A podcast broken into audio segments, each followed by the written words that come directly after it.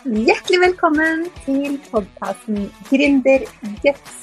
Podkasten som gir deg motivasjon, mot og mentale verktøy, så du kan kjenne på mestring og mening på veien mot din gründerdrøm.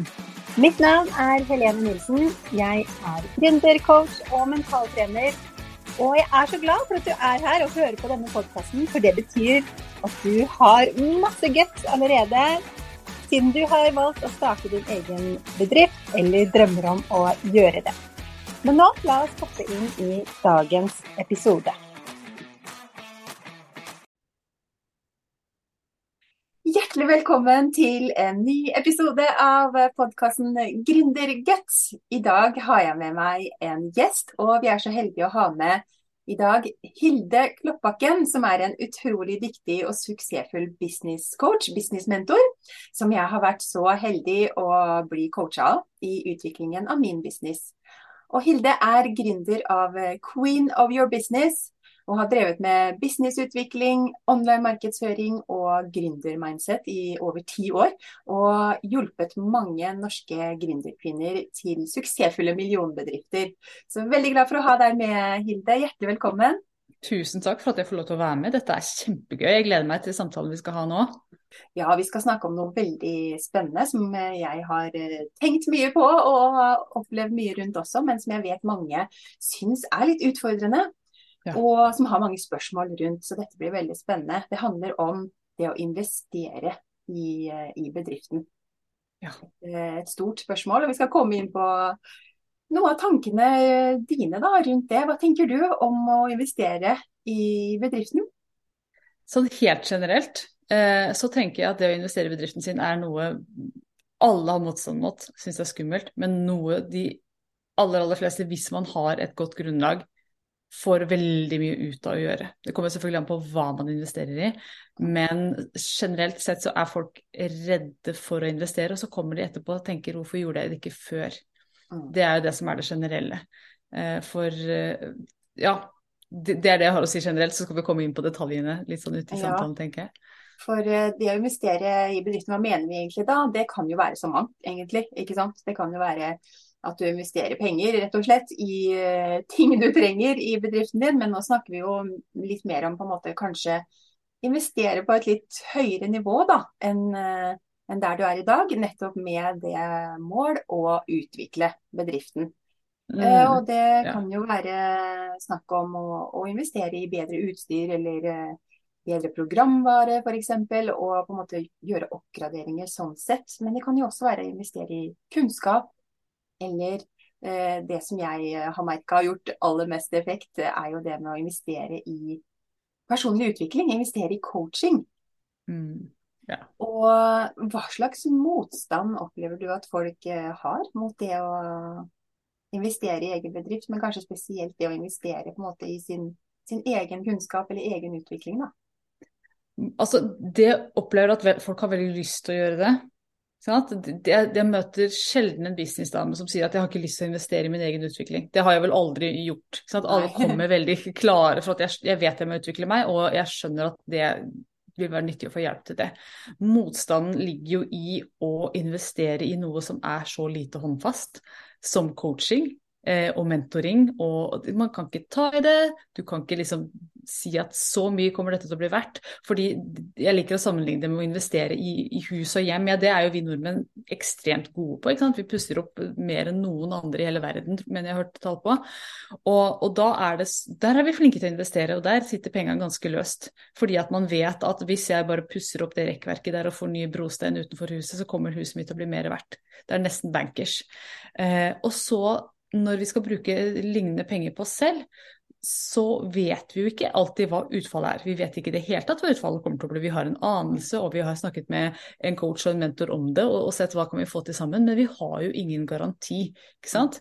Det kan være at man i verste fall investerer pengene, og, og så er man akkurat på samme stedet etter det året har gått, eller det halvåret har gått. Det er en risiko man må ta.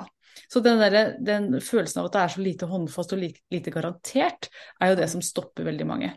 Mm. Men det er det som er litt kult også, at når man da likevel tar den risken på seg selv, så er det en verdi i det å si at jeg tror så mye på meg selv at jeg skal faktisk investere de pengene. For jeg, jeg har så tro på meg selv og på konseptet mitt at jeg vet jeg kommer til å tjene det her inn igjen, enten mens jeg jobber med denne coachen, eller ganske kort tid etterpå. Mm. Um, så det er en, uh, en, kul bonus ved det å, å investere i seg selv.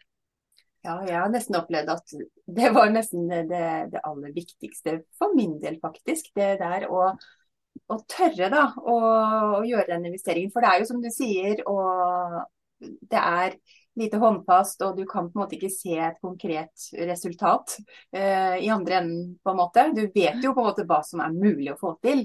Og du har jo uh, en lyst, som du sier, og du har jo en idé om hva dette skal føre til, men du har jo ingen garantier. Men det er likevel da å uh, ta den risikoen da og investere i det, det gjør så mye med hele på en måte måten I hvert fall gjorde det for meg da, personlig. Jeg har jo investert eh, en god del i coaching, bl.a. med deg. Og mm. det, det, har jo vært utrolig verdifullt, det må jeg jo bare si.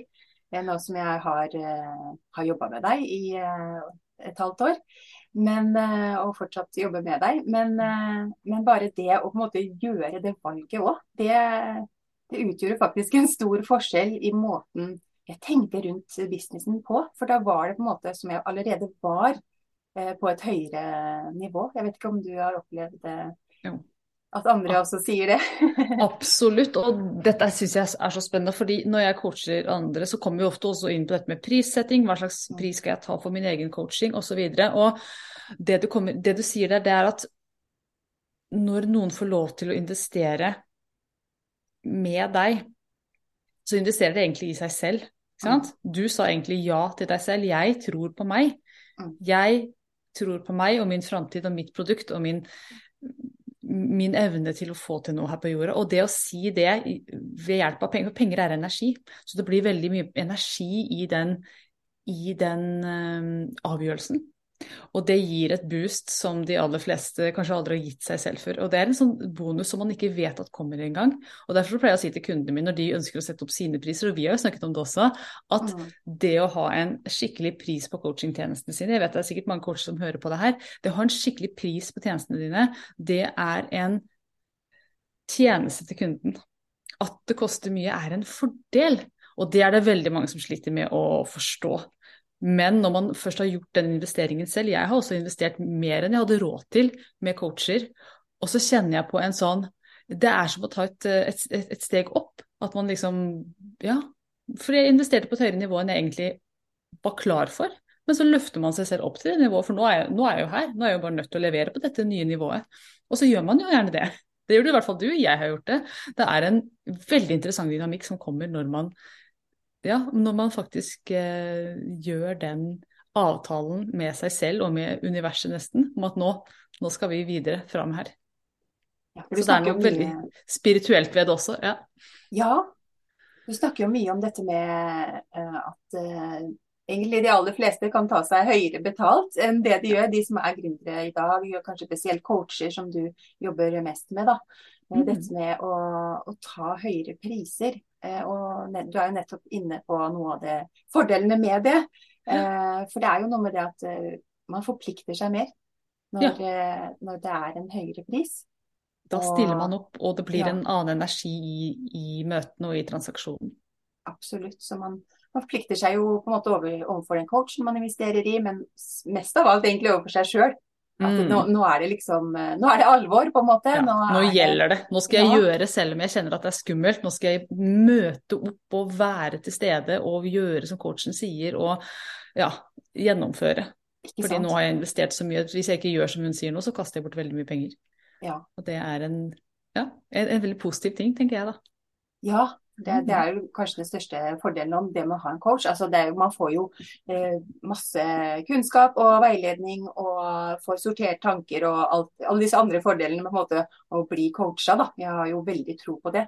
Men det er noe med den forpliktelsen nå. At det er en som på en måte eh, du svarer til, eller som du på en måte som følger deg opp, da. Og som, eh, som du kan eh, spare med, men også på en måte være forplikta til at du leverer det som du egentlig vil, det som du drømmer om og det som er dine mål. ikke sant? Så det Mm. er uh, utrolig verdifullt. Men kan jeg spørre deg litt uh, om uh, hvordan var det da du uh, starta din business? Du, har du alltid på en måte tenkt at det å investere eh, mye i bedriften er lurt, eller har du også opplevd å ha motstand eh, mot det sjøl? Jeg begynte der hvor de aller fleste begynner, at jeg hadde lyst til å bruke minst mulig. Jeg hadde lyst til å gjøre ting gratis. Jeg hadde lyst til å Jeg hørte andre si at det var lurt å ha en coach, men eh, det tok meg litt tid før jeg Jeg hadde coacher helt fra begynnelsen, faktisk, men ikke på høyt nivå. Det var en time her og en time der. Det tok litt tid før jeg skjønte at det å investere i meg selv var noe mer. For jeg tenkte som så mange andre at ja, jeg hører at andre trenger coacher, men jeg skal klare dette selv. For jeg er jo litt smartere enn alle andre, eller jeg kan jo høre enda flere podkaster, eller jeg kan jo gjøre dette på en litt annen måte.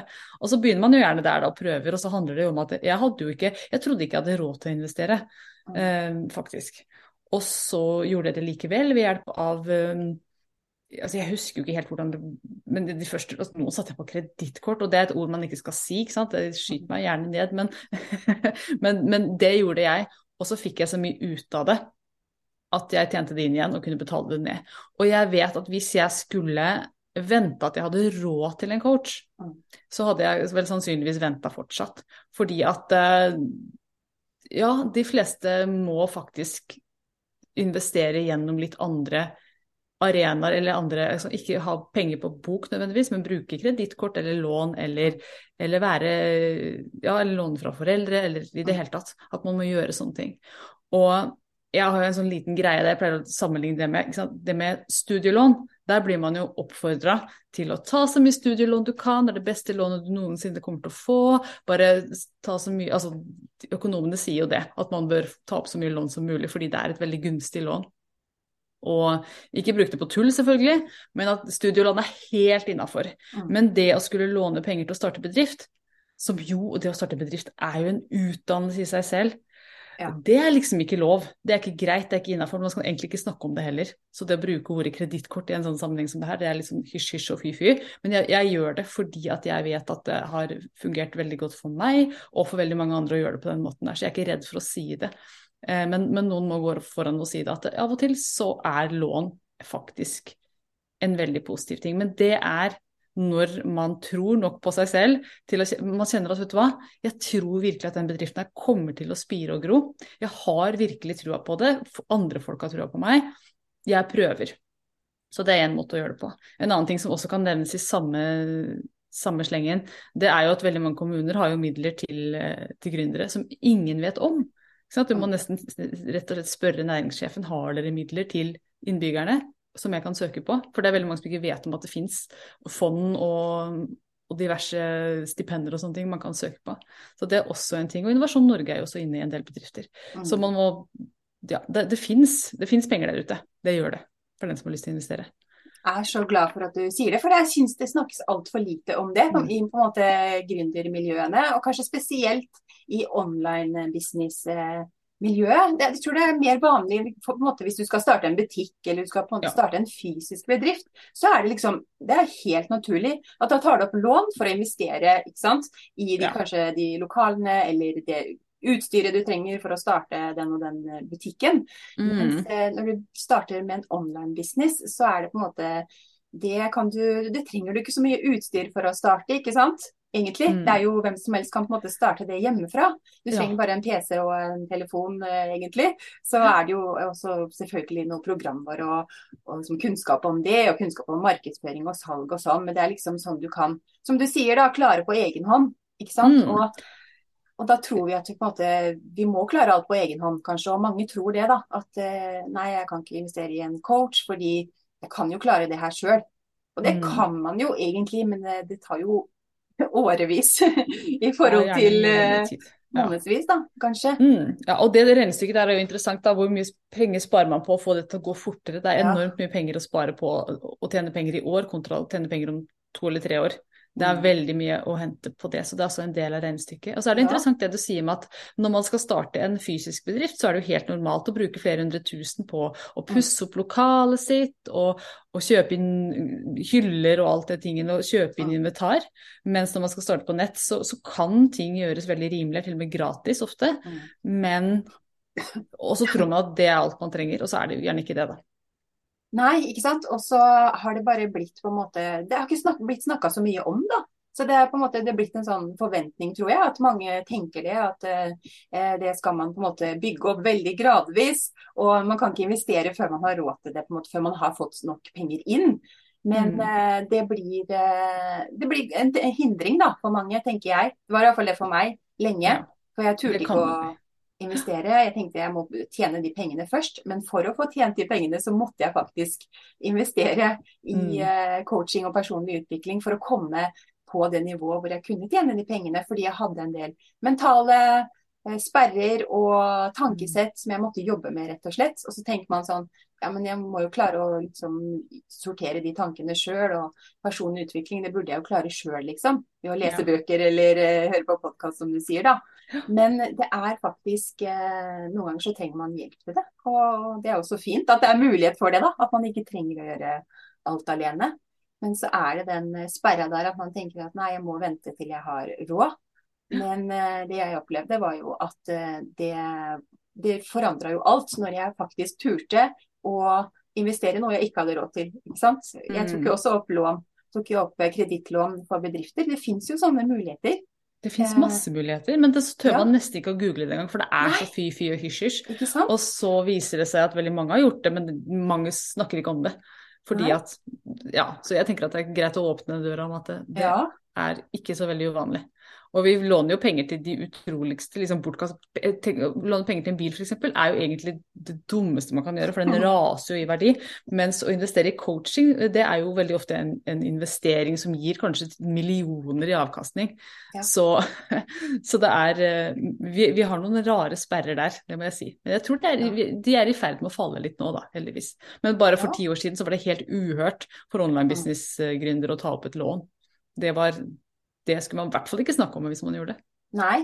Uh, og jeg hadde vel nesten ikke hørt om det før. Jeg tror det var på en av dine videoer jeg hørte om det for første gang. At jeg Mm. hørte om det som heter aprila.no, liksom. At det går an å, å søke om eh, lån der, da. Og at, eh, at det også er vanlig faktisk å gjøre. Fordi jeg hadde ikke hørt om noen andre som, som sa det. Du bare hører om de suksesshistoriene med de som på en måte bygde opp sin egen business fra eh, to tomme Ja. hender og liksom eh, eh, har millioninntekt nå, men ikke liksom hva de har eh, lagt inn i det. da, Av både investering i penger, men tid ikke minst, og eh, alt de har vært igjennom på den eh, reisa. Så jeg er veldig glad for at eh, Jeg håper i hvert fall at vi kan bidra til litt mer åpenhet eh, rundt det med penger. fordi det er jo veldig sånn Det blir veldig personlig for mange. Ikke sant? Dette med å bruke penger, eh, ta imot penger. Dette med pengetankesett snakker jo du mye om. Kan du si litt om hva, hva er egentlig pengetankesett, og hvor kommer det fra? Pengetankesett, altså det kommer fra barndommen. Det kommer fra Mm. mamma og pappa. Rett og slett. Det stort sett alle har issues eller ikke-issues fordi man møtte det fra man var veldig liten holdninger hjemmefra. Jeg husker jo, jeg er jo veldig åpen om det at hjemme, vi, jeg vokste opp i et hjem hvor det var, det var penger der, men det var ikke veldig mye. Og det som lå i lufta var at hvis du fikk tak i noe penger, så skulle du tviholde på dem. Du skulle ikke bruke de på tull. Eh, De skulle vare lenge. Så drive og investere i eh, altså det, Og disse sannhetene, da, i gåsetegn, tar man jo med seg inn i voksenlivet. Hvis man ikke sjekker det ut, så tar man med det altså, som, som god fisk inn i voksenlivet. Og jeg husker jo for, blant annet Jeg har vært i situasjoner hvor jeg har uh, brukt mye penger på Facebook-annonser. Og det husker jeg liksom yes, det bare renner ut, og så ser man ikke nødvendigvis resultatet av det før senere. Og det har vært en sånn åh, dette her kjennes feil, men jeg vet det er, ikke er feil. Altså, det er veldig mye som kommer med det. og så, så det kommer gjerne fra, fra, fra barndommen, og så må vi jobbe med det når vi blir eh, voksne. Og så dukker disse tankene opp da, om at penger er skittent, og vi skal tviholde på de, eller eh, de som har penger er dårlige folk. Lå også litt i lufta hjemme Mm. hos oss, at rikinger, det var noen fæle folk. Eh, så man får trøbbel med å tjene godt også, for jeg har jo ikke lyst til å være fæl, jeg har lyst til å være snill. Så det, så det kommer veldig mye der. Og Eh, nå husker jeg ikke, nå var det liksom to spørsmål i ett her, men hvor det kommer fra? Det kommer fra foreldrene og barndommen. Det kan Ja. jeg si. Ja. Ja, dette med pengetankesett. Fordi det er jo sånne ting som ligger i ubevisstheten, ikke sant. Som, Ja, de fleste har jo ikke sjekket ut det, fordi vanligvis, her er jo, dette er jo spennende, ikke sant? når vi starter vår egen bedrift, så skal vi sette prislapp på oss selv. Og Ja. den prislappen, den, den så mye penger skal du ha i lønn, da var det jo en eldre mann i 60-åra med grått hår, ikke sant? Vi ser, den, vi ser den for oss alle sammen, som Mm. satte på oss før. Og så går man ut i sin egen jobb, i sin egen business, og så skal man sette prislappen på seg selv og ta seg betalt selv, og da dukker det opp veldig mye greier. Er dette lov, er det innafor? Jeg husker vi hadde en periode på sånn, er det egentlig i det hele tatt lov å tjene veldig mye penger? Eller er det en norsk lov som sier at man i sitt eget lille firma ikke kan ta seg godt betalt? Jeg trodde faktisk at det kanskje var ulovlig, til og med. Der har jeg vært. Så, og det er det ikke. La oss bare debunk the myth. Det er lov å tjene mye penger uten å jobbe veldig hardt for det. Ja. For, for det er også en ting at nå må jeg jobbe drithardt, skal jeg jobbe, eh, tjene penger i mitt eget firma, så må jeg jobbe kjempehardt. Og det er heller ikke sant. Eh, Jeg er på et sted nå hvor jeg jobber ganske lite, egentlig, og tjener godt Ja. på det. Fordi at jeg jobber på en veldig effektiv måte.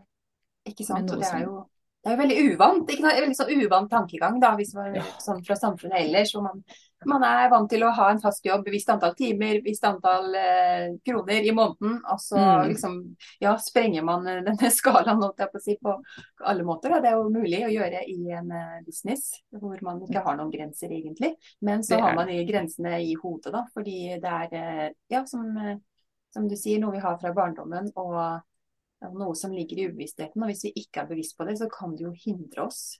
eh, Ja, veldig. Veldig. Og, Og de fleste, dette er viktig å understreke, de aller fleste kommer inn i sitt, eh, sin nye business med masse sperrer rundt penger. De aller fleste trenger å jobbe mye med det.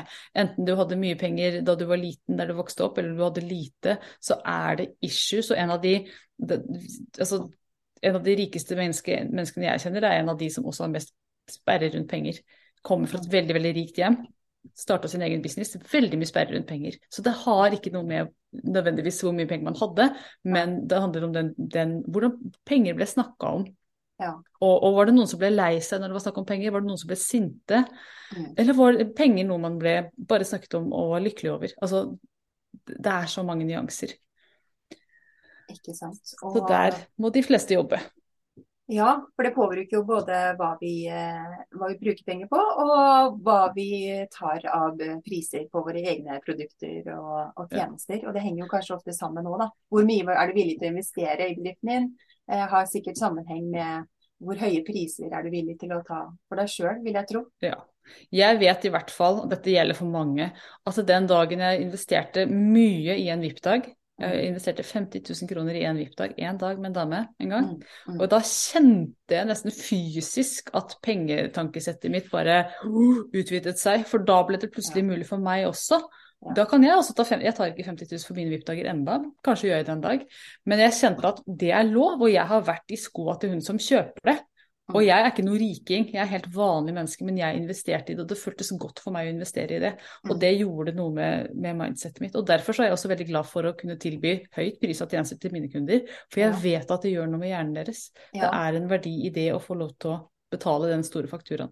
Ja, det er det. For det er jo, en ting er jo på en måte at eh, tjenesten er verdt det. Det er, det ikke noe, det er også noe som har noe å si her. Og, men det er Absolutt, absolutt. Ja, Vi kan ikke ja. gå forbi den. Nei. Ja, eh, og så er det jo ikke sånn at man skal liksom ta så høy pris eh, som mulig bare for, eh, for prisens skyld, holdt jeg på å si. Eller det er jo ikke det som er poenget. Men det er jo det at eh, det gjør eh, virkelig noe med, med kundene også, da, som du sier. Mm. Det, er, har jeg opplevd sjøl fra, fra å være kunde eh, hos deg, bl.a. Og det, det er så verdifullt. Eh, og det å Mm. få muligheten til å investere på et eh, høyere nivå kanskje da, enn eh, du er i dag, det, gjør, det gjør så mye. Så jeg er jo så takknemlig for sånne som deg, som tilbyr det du kaller på en måte high end tjenester. da. High end Mm. coaching. Sånn at vi, vi får muligheten til å, å jobbe med deg, for du er utrolig dyktig, selvfølgelig. Men bare det å, at, du, at du tør, da. Å Ja. og sette en eh, høy pris, fordi det Mm. er eh, det, det gjør veldig mye for, eh, for de som er så heldige å få jobbe med det. Ja, og tenk på dette, dette her jeg, jeg sier det også av og til i markedsføringen min. få kunder som elsker å få lov til å betale deg. Og det er dette jeg mener, når kunden sier Mm. takk for at jeg fikk lov til å betale deg så mye for det. Fordi det at du tok den prisen og åpna døra for meg også, ikke sant. Du gikk foran, se at jeg også kan gjøre det. Det er ikke veldig mye mer hokus pokus enn det, men det er det utrolig mye verdi i. At andre som altså Vi to er litt like, liksom litt samme alder, litt samme ting. Du Mm. ser altså, da kan jeg også gjøre det. Og det, det er kjempenyttig. Så det, det, er, det er verdt penga. Jeg er veldig glad for å kunne hente inn de penga uten å jobbe så hardt. Så det er jo vinn-vinn for begge parter. Ja, absolutt. Men det er noe med, som du sier, det med å Ja, den energien da, rundt penger også. eh, Det Mm. forandrer seg når man eh, jobber med det. Selvfølgelig Jobber med penge, pengetanksett, bli bevisst på det, lære mer, få mer kunnskap om det i seg sjøl. Men det vi, nesten som gjør mest, er jo det å faktisk gjøre det. Altså den handlingen det er. Å ta Mm. den beslutningen for seg sjøl og, og virkelig investere i bedriften. Kanskje du må ta opp lån, kanskje du må ja, ta fra sparepenger eller finne en eller annen løsning, da. Men Mm. eh, det er så verdt det.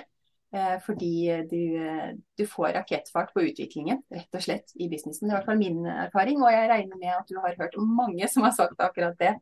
Absolutt. Så, Ja, helt klart at man får Man kjøper seg rett og slett Dette følte jeg i hvert fall. Jeg kjøpte meg litt sånn ny identitet i det øyeblikket jeg betalte de Mm. 50 000 til henne. Jeg er en person som investerer disse pengene i min egen bedrift. Plutselig så fikk jeg i min egen hjerne et nytt nivå. Og der du tror du er, der er du. Absolutt. Så det er, det er en, en magi ved det. Ja. Og så er det mange, noen som absolutt ikke er enig med oss i denne samtalen her, som har masse motstand mot det. Og det er helt ok. De kommer alle til å investere på det nivået. Det er ikke alle som går med på det her. Nei. Men for noen av oss, mange av oss, så er dette her akkurat sånn det fungerer. Mm. Så ja. Ja, men Det er så interessant det du sier, at du, du føler som du er der, ikke sant? I på en måte kanskje det nivået eller den drømmen du har da, om eh, der du har lyst til å, å være. Og det er jo eh, faktisk masse forskning som viser at eh, hjernen klarer jo ikke helt å skille mellom det som på en måte er fantasi og det som er virkelighet, ikke sant? Eh, så der, eh, når du ser, Det er jo også det som eh, har med visualisering og sånn å gjøre også, da. At når man ser for seg ting, så og virkelig går inn i det og liksom Mm. bruker alle sanser og er i den situasjonen. Men det her er jo også en måte å, å gjøre det på, da. Å investere i, i nå. Fordi man, ja, som du sier, skifter litt identitet og, og energinivå ved å gjøre det. Sånn at uh, istedenfor å tenke at uh, om eh, noen år så skal jeg komme dit, liksom. Og se for seg Mm. den lange veien dit. Men så tar man på en måte et hopp, da. Litt Ja. sånn uh, snarvei dit, egentlig. Mm. Uh, ved å investere en større sum penger kanskje enn eh, enn man føler at man har råd til. Men eh, Ja. det, det er virkelig effekt i det. Så Det er det. Og jeg har lyst til å legge til en bitte liten ting som kanskje kan være interessant for folk å høre. og det er jo at eh, I pakkene mine så putter jeg også inn luksusting. ikke sant? Vi har jo hatt en VIP-dag. Da var vi i en suite, så man fikk liksom oppleve hvordan det er å være på toppen av dette flotte hotellet. mm, Og at og det kan også være noe For det er derfor vi har suiter og first class på fly osv. Da er folk har lyst til å kjøpe seg litt oppover i gradene og føle seg fancy før de nødvendigvis er det. Og, det, altså, så, og så blir man det, ikke sant. Du, Mm. du blir som de omgivelsene du er i. Så den samtalen som var for de gikk i den den, den får en annen flavor enn den ville fått nede på bakkeplan. Så det er også det, er, eh, det høres banalt ut, men det funker. det gjør det. For det Mm. er noe med omgivelsene våre. Det påvirker oss.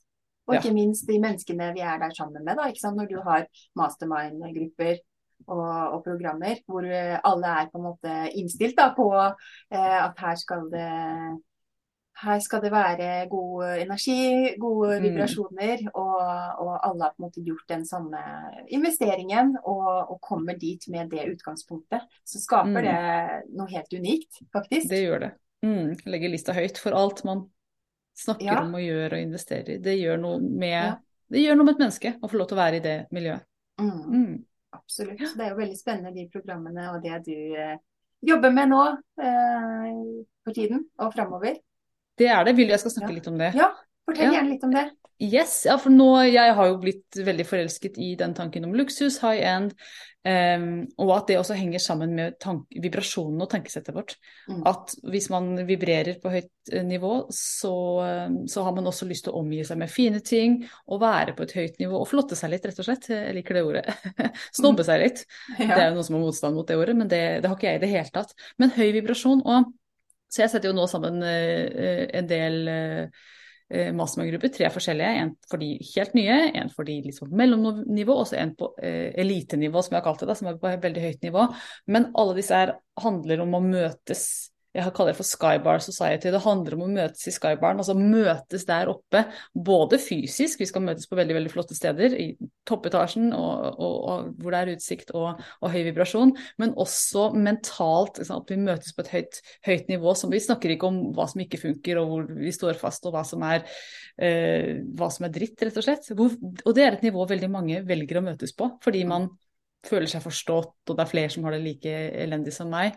Men at man faktisk også i disse samtalene her velger å, å, snakke om hva er det som funker, hva funker for deg, hvordan kan jeg lære av det, hva, hva er det du skal nå videre, hva er det som Uh, hva er det du ser tjener deg penger, hva er det som gjør at lista di vokser? At vi har samtalen på det nivået, i stedet for hvor står du fast.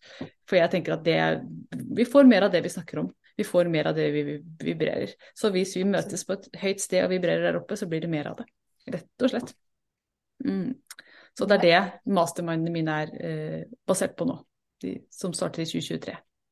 Det er jo så spennende, og jeg skal jo være med i en av disse gruppene. og Jeg gleder meg veldig. For jeg bare når eh, du fortalte meg om det, så fikk jeg jo helt frysninger på ryggen. Fordi det er sånn eh, Det å få lov da, til å være i et sånt miljø, for det er jo ikke så vanlig eh, i dagens samfunn. jeg har ikke sett noe sted før.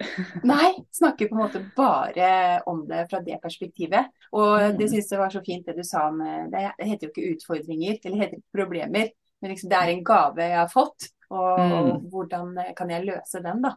Ja, eh, og det er jo så interessant. La oss snakke bitte litt om det. Når vi ja. møter på et eller annet rundt penger, da f.eks. Nå er det mm. lite penger her. Så er jo det en gave fra oven om at vet du hva, nå skal du få lov til å utvikle deg og bli den dama som kan tjene de pengene, som kan finne de pengene et eller annet sted. Som kan få til det her. For universet vet at du kan løse den nøtta. Men vi er jo bygd sånn vi mennesker at vi sparer energi.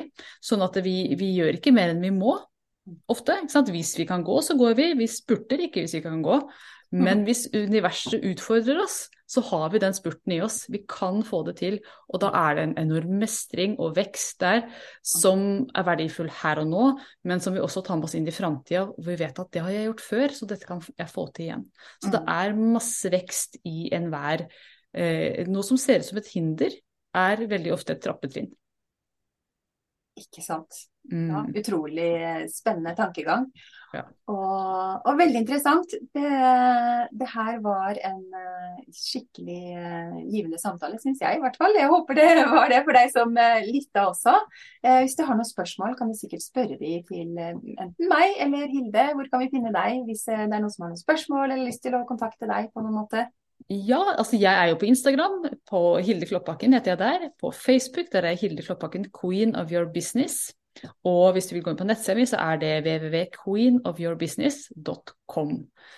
Eh, så ja. Det enkleste er kanskje Instagram. Hilde Kloppbakken. Fordi Queen of Your Business kan være litt vanskelig å stave. Jeg har ikke gjort det lett for dere. Veldig fint navn, da. ja, det er kjempefint. Og det, det kommer jo fra dronningmetoden, som er metoden som jeg jobber ut fra også. Som du også får lære mer om hvis du går inn der og, og sjekker meg ut. Det anbefaler jeg virkelig. Og tusen takk, eh, Hilde, for eh, praten. Eh, og ja, lykke til videre. jo, tusen takk for det, og takk for praten. Jeg elsker å snakke om penger og perspektiver rundt det. Det er noe av det viktigste vi snakker om, men også noe av det mest utviklende vi snakker om. Så tusen takk for at jeg fikk lov til å komme hit og, og snakke om det mest spennende jeg vet om. Tusen takk i like måte. Vi snakkes. Det gjør vi. Tusen takk for at du lyttet til denne episoden av eh, podkasten Gründerguts. Hvis du likte episoden, så blir jeg veldig glad hvis du går inn på din podkastspiller og gir noen stjerner, eller gjerne også skriver en tilbakemelding.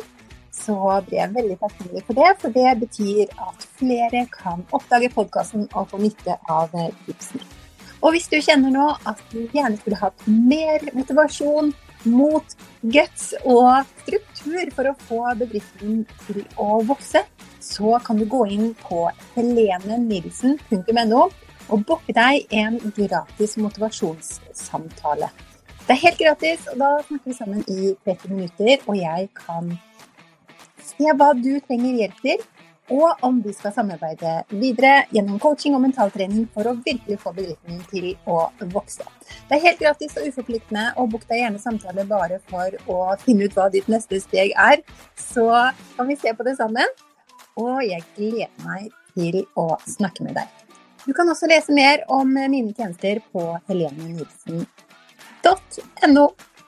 Og vi høres i neste episode.